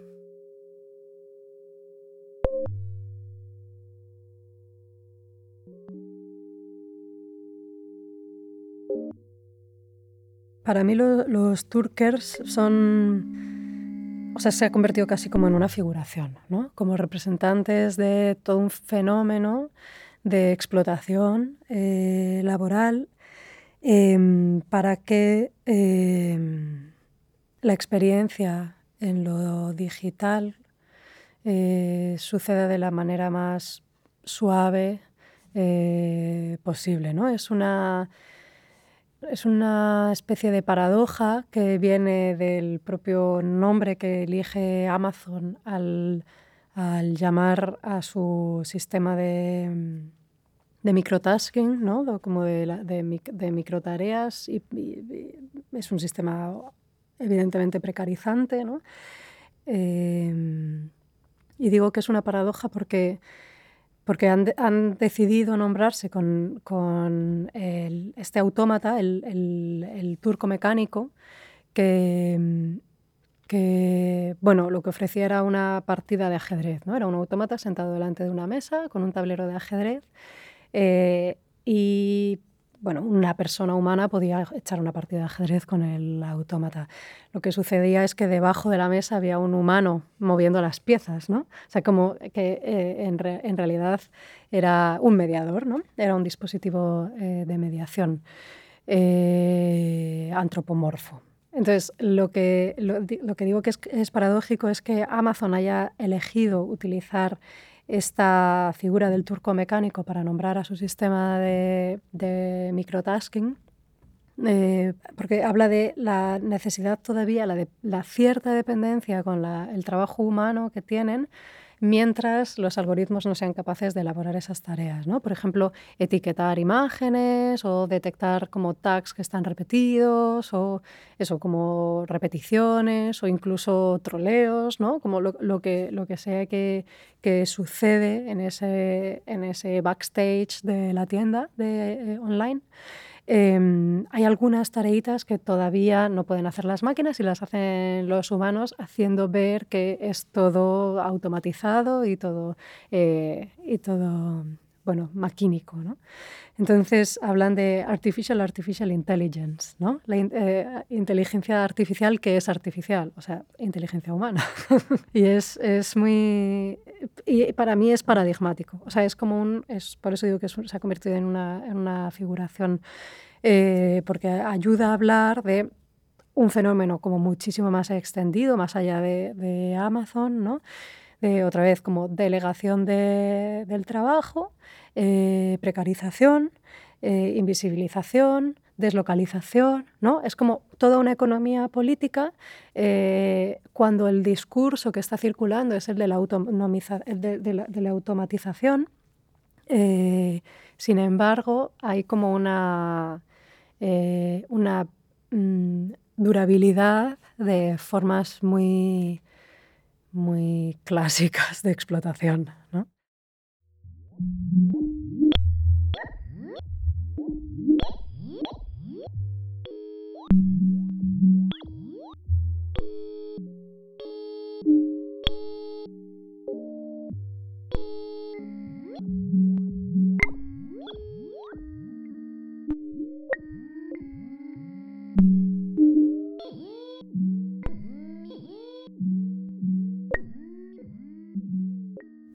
El trabajo de Nicolás Malevé, que es una delicia por su meticulosidad y su esmero eh, sobre la mm, eh, visión computacional, em, combina, eh, por un lado, un, casi como un trabajo etnográfico del, de estudio de como la vida en el laboratorio, si queréis, como de Bruno Latour y así, como de mm, cómo se produce esto, o sea, cómo, cómo se genera este, este tipo de conocimiento visual en, en, las máquinas de computer vision, ¿no? en los algoritmos o las eh, redes neuronales.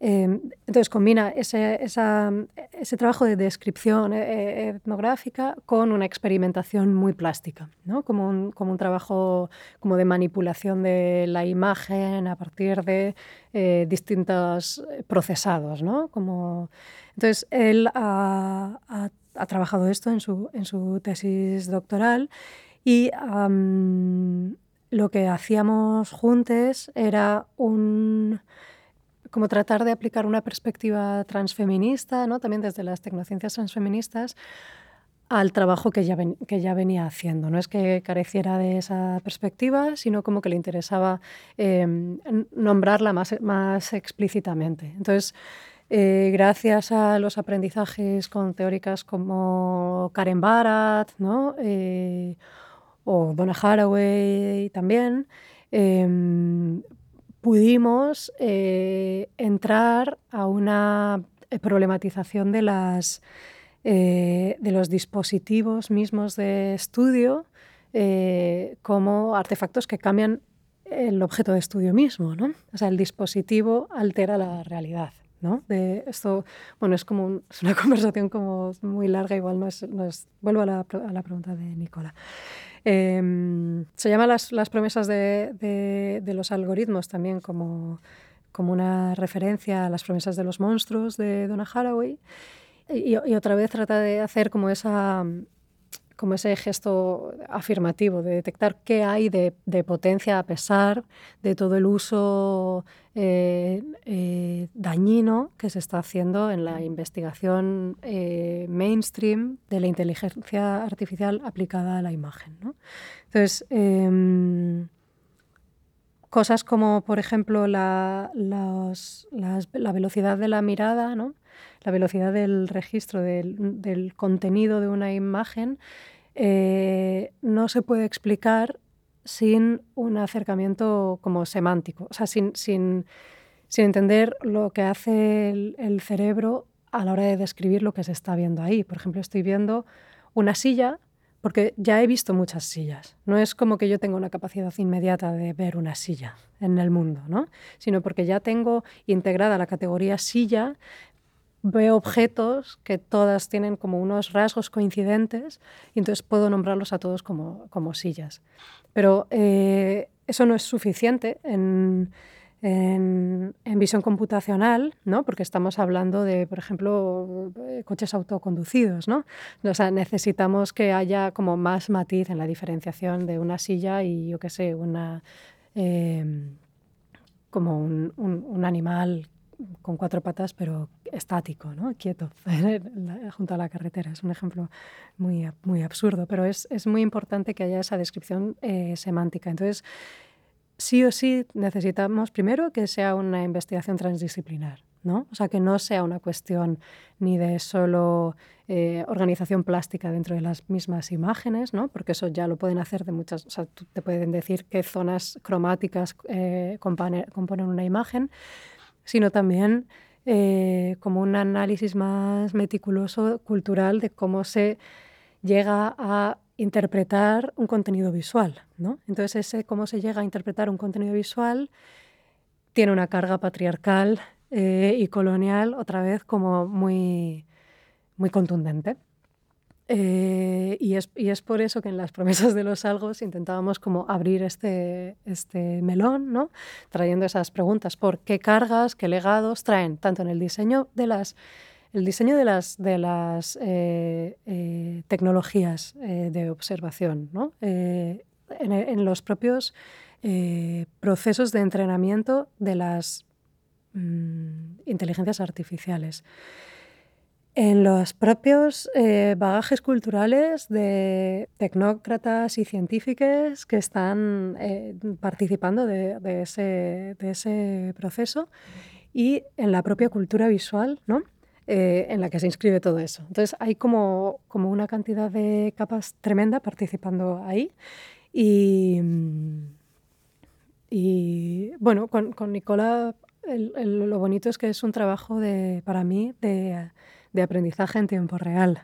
O sea, como que él combina una atención a la complejidad eh, muy mm, sostenida, ¿no? como un compromiso con la, con la, complejidad, así como muy sostenido en el tiempo, con eh, como una mm, lentitud ¿no? de la comunicación, en la transmisión, en en la conversación, en la observación, que me parece como bastante excepcional en las formas de investigación de últimamente. O sea, esa forma lenta, ¿no? casi ese slow science que, que podría decir que Nicolás Maleve hace, es, eh, es algo que, que, necesitamos precisamente en tiempos de, de turbo capital, ¿no? también en la cultura visual. Entonces, choque de velocidades. ¿no? sí choque de velocidades. Bueno, y también hay algo, algo muy importante en, en reclamar el rigor en la investigación eh, en formatos no académicos o para académicos.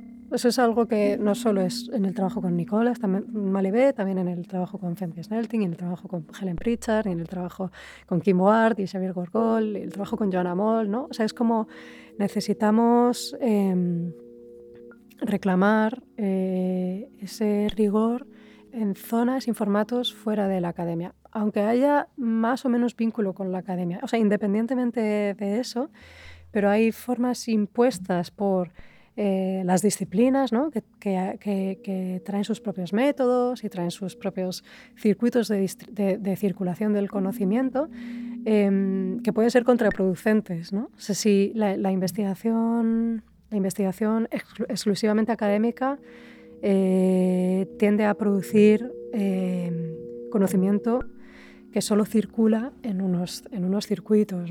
Y no estoy hablando como de democratizar eh, el acceso a este conocimiento, que también, ¿no? como hay una lucha muy importante teniendo lugar acerca del, de la open science ¿no? de, de y de la apertura del conocimiento científico académico. Em, pero no estaba hablando de eso, sino de las interlocuciones que la, producción del conocimiento puede y necesita eh, mm, provocar. ¿no? Si, si, detectamos un problema, necesitamos encontrar como una forma de comunicarnos eh, o de comunicar ese problema a personas que igual tienen más capacidad de intervención sobre ese problema. O sea, hay una, hay una vía de acción que es absolutamente válida, pertinente, legítima y necesaria, que es la acción directa, ¿no? Y hay otra que es eh, la acción mediada, ¿no? O, la, o, la, o, la, participación en redes como de varias, de varias capas. Podemos hacer acción directa eh, con respecto a eh, los algoritmos de visión computacional no lo tengo tan claro. o sea, podemos hacer, acción directa en eh, interviniendo en según qué focos, ¿no? en donde estén ya en activo. Pero para transformar, ¿no? para, provocar una, una transformación en en los valores, por ejemplo, que traen consigo o en esos legados de la modernidad euroblanca que traen consigo, necesitamos poder interpelar directamente a, por ejemplo, comunidades de desarrolladores de software. ¿no? Y para eso no sirve un paper académico. o sea, muchas veces sirve más escribir un back report, ¿no? un, reporte de, ¿cómo se dice? Un reporte de error o de fallo. Eh, eh, a través del formulario eh, que la propia comunidad tiene listo para preparar la nueva versión del software y ahí la acción va a ser más directa que a través de un, de un paper. Entonces, bueno, esto me he ido del trabajo con Nicola, pero, pero para mí tiene mucho que ver con ese rigor en el uso de la, de la investigación, ¿no? que al final busca una interpelación, ¿no? una interpelación directa a ese orden de mundo ¿no? o a los regímenes, eh, a los regímenes de, de producción de conocimiento. Entonces, es súper difícil, porque también a veces hay que hacer papers, ¿no? Porque también necesitas hablar con colegas de, de cierta red de afinidad, ¿no? De afinidad disciplinar, de, de afinidad eh, teórica, ¿no? Entonces, eh, ¿cómo organizar el tiempo para combinar como esas distintas interlocuciones e interpelaciones? Es como una pregunta constante también. ¿Cómo organizarnos para para estar en contacto con, con, con semejantes, que es, es, necesaria, ¿no? Como esa, pues, pues, pues, es la defensa de los espacios no mixtos, ¿no? Eh, y también con, con, diferentes, o sea, con, con, gente que tiene las manos en, en la herramienta eh, y, que, y que por tanto es capaz o más capaz de hacer una intervención ¿no? transformadora.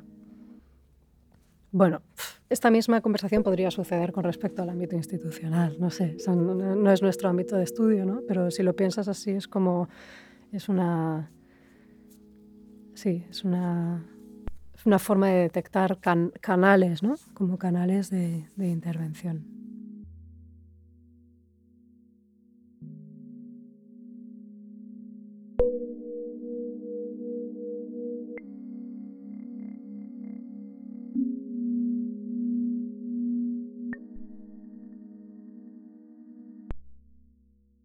Bueno, el tiempo, últimamente hemos estado escribiendo...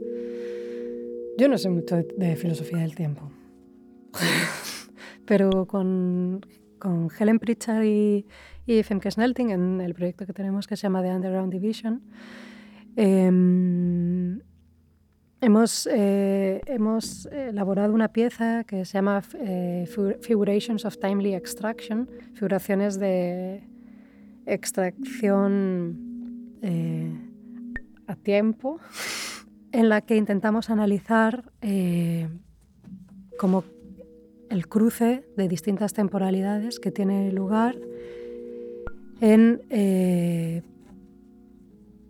el momento en el que la, la extracción de ejercida sobre la superficie de la Tierra y el uso de tecnologías computacionales para esa extracción eh, convergen. ¿no? Ese, ese, momento en el que para extraer se utiliza computación, eh, que por un lado genera como un, como un circuito de retroalimentación, ¿no? porque las tecnologías necesitan de la extracción para ser en la forma en la que están diseñadas, ¿no? por los minerales con los que están fabricados y, em, y por la y por la básicamente red eh, transnacional en la que necesitan existir, ¿no? Eh, que también está sustentada por esas prácticas de, extracción. Entonces ahí hay un, hay un vínculo. Em, esas tecnologías funcionan con, como os decía antes, como con una velocidad como turbo, es la hipercomputación, ¿no? O sea, son, son velocidades como inaprehensibles para, a una escala como, de, como humana. Y a la vez entrar en contacto con unas temporalidades geológicas, ¿no? Como unas temporalidades muy extensas. Y es ese, ese colapso eh, el que de repente nos ayuda a, a, pasar tiempo ahí en una situación concreta, en concreto como la, la minera Yanacocha, que está en la región de Cajamarca, en, en Perú, que es la región de, de, la familia de mi padre. Eh, en el mismo pueblo, en Selendín, hay unas, una extracción minera de, de oro eh, para la que se utiliza muchísima agua. Entonces ha habido, bueno, como unas un, levantamiento popular de las comunidades locales en defensa del agua, ¿no? en pro del agua y contra la extracción de oro. Y nosotras intentamos estudiar qué además, qué otros partícipes computacionales eh, están tomando parte ¿no? en ese conflicto eh, social que ahora mismo está latente, porque bueno, hubo una participación de, del Estado con eh, asesinatos de, varias de las eh, personas del, levantamiento, expulsiones, pagos, división de comunidades, bueno, todos los gestos que te, puedes eh, imaginar con, en, un caso de extractivismo tan feroz. Pero intentamos ver cómo se conecta eso con las temporalidades también de, de los propios dispositivos de extracción y y cuando digo de extracción no es de la, extracción, el momento de extracción físico, sino también de detección, ¿no? Como que ahí entramos con el maravilloso mundo de la volumetría, porque aparecen, bueno, pues como detección de distintas eh, capas, modelos, ¿no? Luego hay también eh, eh, o sea, modelos, que, modelos 3D que se utilizan para diseñar los propios dispositivos tecnológicos o modelos de rocas que se utilizan, se utilizan para estudiar eh, geología. La geología y, el extractivismo son una disciplina y un régimen que no se pueden separar, ¿no? O sea, como que se han desarrollado en mutua dependencia. Eh, entonces, en ese texto intentamos eh, hablar de esto. Pero bueno, para mí son como, o sea, tiempo y espacio son como dos, o sea, son las dimensiones que necesitamos siempre traer, o sea, es el, los, los, los cuándos y los dóndes, ¿no? Cada vez que intentamos como desplegar una, una pregunta, ¿no? Siempre van a aparecer. Pero hay una temporalidad en la extracción y temporalidad en la computación eh, volumétrica, ¿no? Entonces siempre eh, rechazar como imposiciones, por ejemplo, esta del, del presente inmediato o del, del, futuro como proyección, como que ya está casi haciendo presente, ¿no? esta cosa progresista, o, o del pasado solo como memoria, ¿no? Eh, como si no estuviera en activo, ¿no? o sea, como estas, estas, todas estas... Eh, todos estos matices con respecto a la dimensión tiempo son importantes para organizar con rigor una pregunta, para fabricar con rigor una pregunta. Y bueno, no sé, también las preguntas se fabrican. Hmm.